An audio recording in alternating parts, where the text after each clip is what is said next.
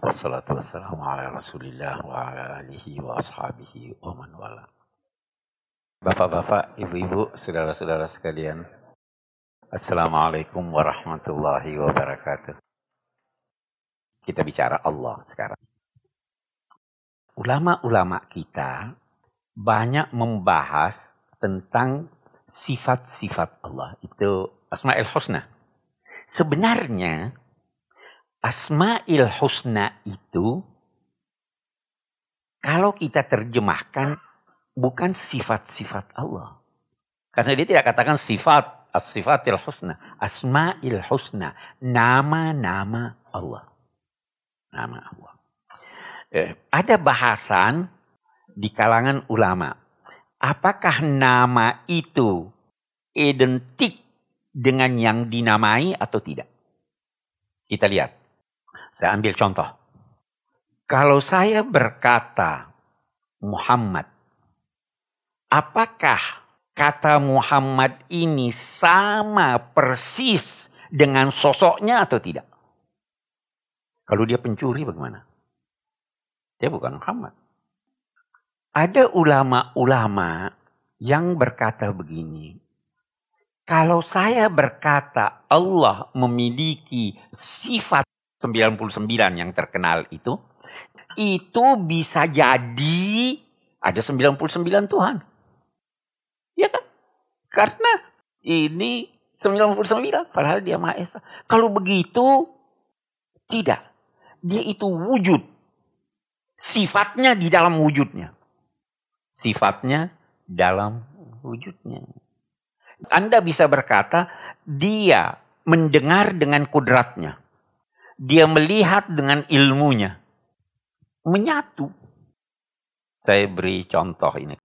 Kalau ini teh. Teh itu tadinya ada gula, ada teh, ada air, saya campur dia jadi teh. Ya kan? Masih bisa Anda bedakan setelah dia jadi teh, mana gulanya, mana. Sudah tidak bisa. Walaupun dia tadinya tiga. Menyatu. Dia katakan, walaupun nama-nama Allah itu 99, tapi sebenarnya itu cuma satu. Nah, tapi ini pandangan eh, kelompok rasional. Ulama-ulama ahlus sunnah berkata tidak. Bisa saja satu itu, sosok satu punya banyak sifat. Bisa saja. Saya suami. Saya ayah. Saya anak. Saya cucu. Saya kakek. Saya anggota ini. Bisa saja. Sosoknya satu. Beda pendapat. Tapi ada yang disepakati. Kita ambil contoh yang disepakati. Bahwa dalam rangka menjelaskan tentang Allah itu dan sifat-sifatnya. Ada yang dinamai sifat ijabiyah ada yang dinamai sifat salbiyah. Ada sifat-sifat yang terus menerus harus Anda katakan Allah seperti itu. Ada lagi sifat-sifat yang terus Anda harus berkata Allah tidak mungkin seperti itu. Jadi ada yang positif, ada yang Anda negasikan. Allah tidak begitu. Punya anak. Bisa tidak wujud? Tidak. Nah, kita ambil kuasa, berkehendak, eh, eh, eh, hidup. Tiga. Mendengar. Empat. Melihat. Lima. Berbicara. Enam. Ada lagi satu. Tujuh. Itu menyatu. Kalau Anda berkata Allah, Anda harus berkata bahwa dia maha kuasa. Kalau Anda berkata Allah, maka Anda harus berkata dia maha berkehendak. Kehendaknya di atas segala-galanya. Ya kan? Kalau Anda berkata dia maha mendengar, dia mendengar apa pun yang bisa terdengar. Maha melihat apa pun yang bisa terlihat. Itu sifat Allah. Ini menyatu pada diri Allah. Sewaktu Anda berkata, Ashadu an la ilaha illallah maka Anda harus yakin bahwa Allah ini Maha Esa dan dia punya sifat-sifat Maha berkehendak, Maha tahu, Maha ini dan itu menyatu. Menyatu.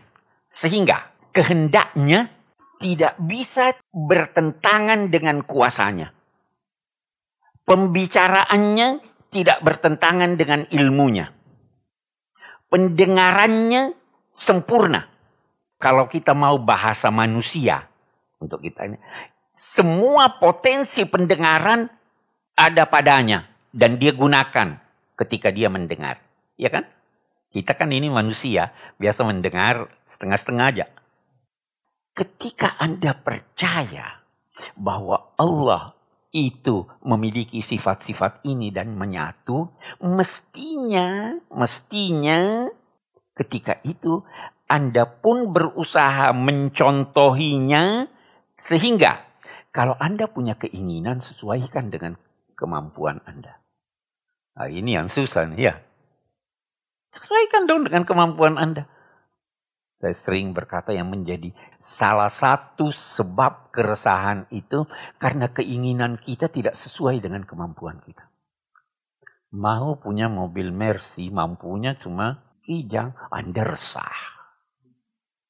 Bicara, sesuaikan pembicaraan Anda dengan ilmu Anda. Jangan asbun. Melihat, gunakan semua potensi Anda untuk melihat, untuk mendengar, dan anehnya, kita lihat, Asma'il Husna yang 99 itu tidak ada mutakallim. Tidak ada. Coba baca. Allah Rahman Rahim Malik Kudus Salam Mu'min Mu'aimin sampai akhir tidak ada mutakallim. Yang ada sami' yang ada basir. Ya kan? Kenapa? Nah ini lagi. Kita perlu untuk menghayati, memahami bahwa Allah itu maha berfirman. Kita perlu itu karena kita perlu untuk memahami Al-Quran yang merupakan firmannya. Jadi di garis bawahi dia mutakallim. Tetapi dia tidak tonjolkan dirinya sebagai mutakallim. Kata ulama, contohi juga itu. Kurangi bicaramu. Jangan terlalu banyak bicara. Mutakallim itu perlu. Dan itu juga sebabnya kalamu firman Allah itu yang disampaikannya hanya yang diperlukan oleh sasaran bicaranya.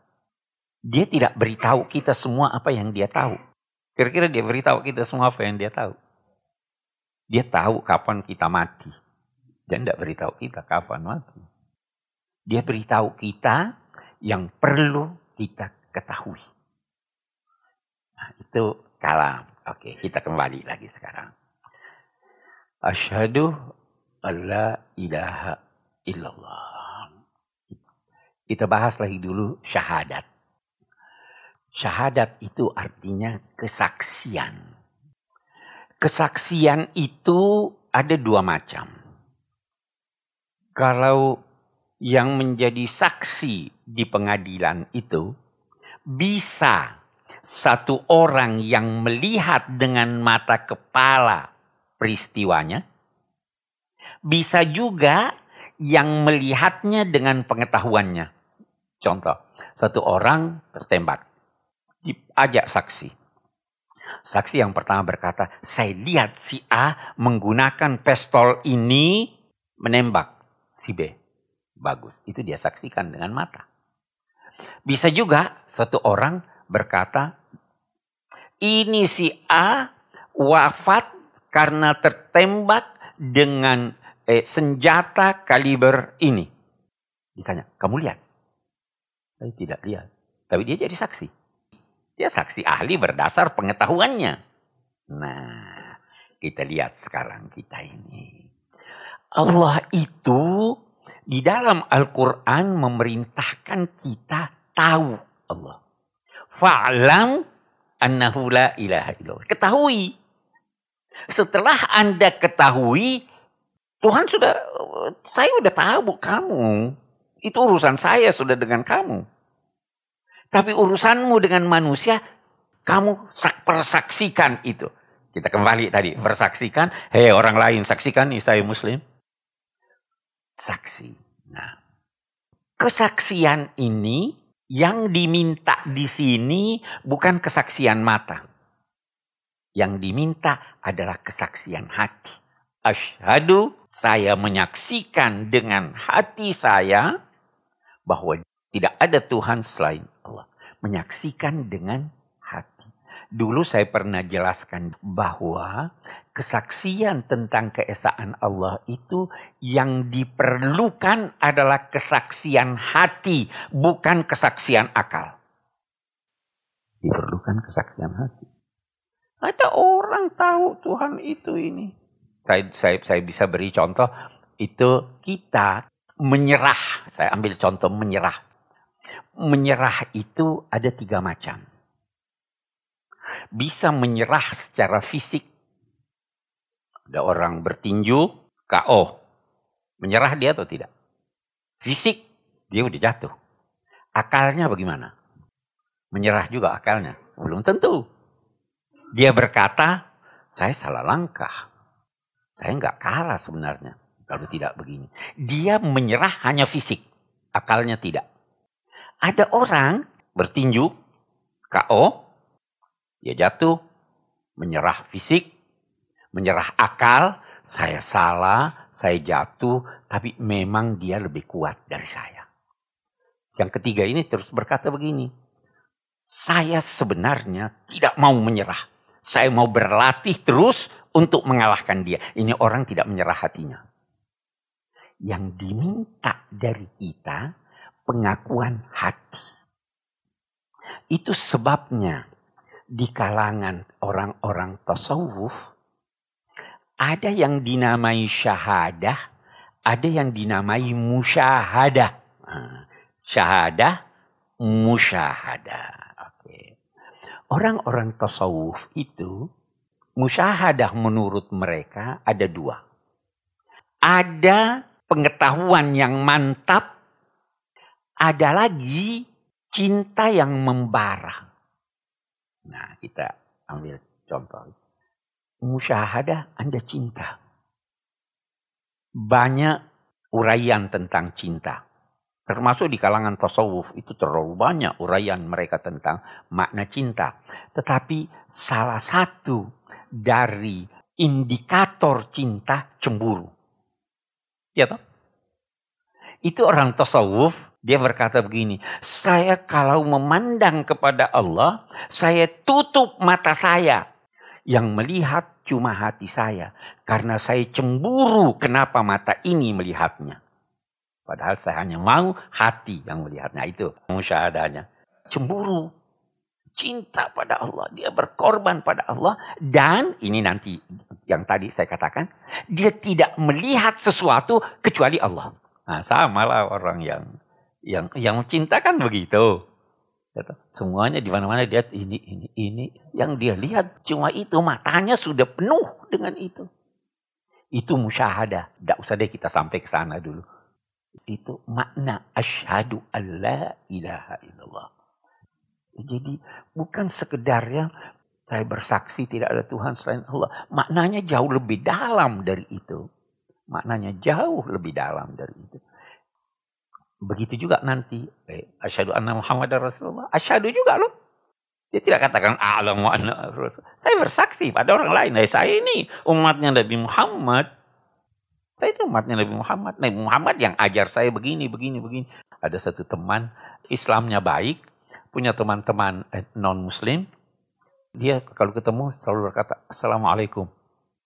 Terus itu, ini kejadian benar nih. Terus itu temannya non-muslim, Kok kamu sampaikan salam? Saya pernah dengar tidak boleh. Tidak boleh muslim mengucapkan salam kepada non-muslim. Dia bilang tidak. Nabi saya ajar saya begitu. Nabi saya mengajarkan saya kalau bertemu dengan orang sampaikan kedamaian kepada dia. Masa Islam begitu? Ya Islam begitu. Nah, coba lihat sekarang. Kalau Anda mau memusuhi orang, Anda ucapkan wa anna Muhammad Rasulullah. Itu yang diajarkan oleh Nabi Anda. Tidak kan? Bukan itu yang diajarkan oleh Nabi. Yang diajarkan oleh Nabi itu damailah dengan orang, berbuat baiklah dengan orang, dan sebagainya. Itu tadi yang saya katakan, kembali ke akhlak. Itu tadi yang kita katakan kalau kita bahas salat nanti, kalau memang kita mau bahas ini rukun Islam semuanya. Kalau kita bahas salat nanti seperti itu. Salat itu ada substansinya. Fawailun dil musallin. Celaka orang-orang yang salat. Siapa? Alladinahum an salatihim sahun. Kata ulama, untung Allah berfirman, alladinahum an salatihim bukan fi salatihim. Mereka yang lupa substansi salatnya. Bukan lupa waktu salat. Saya sekarang ini sering lupa. Lupa salat ini tadi lima rakaat atau empat rakaat sudah. Lupa substansi salatnya. Nah substansi sholat itu apa? Yura'un, tidak mengagungkan Allah. Yamna'unal ma'un, tidak mau membantu walau hal-hal yang kecil. Jadi ada substansi agama ini. Kan cuma uh, syahadatain dan sebagainya itu. Nah, saya katakan lagi, kekeliruan kita itu bukan cuma tidak mengajarkan bagaimana melafazkan yang baik syahadatain. Bagaimana memahami makna syahadatain. Substansinya kita tidak paham. Itu arti syahadatain.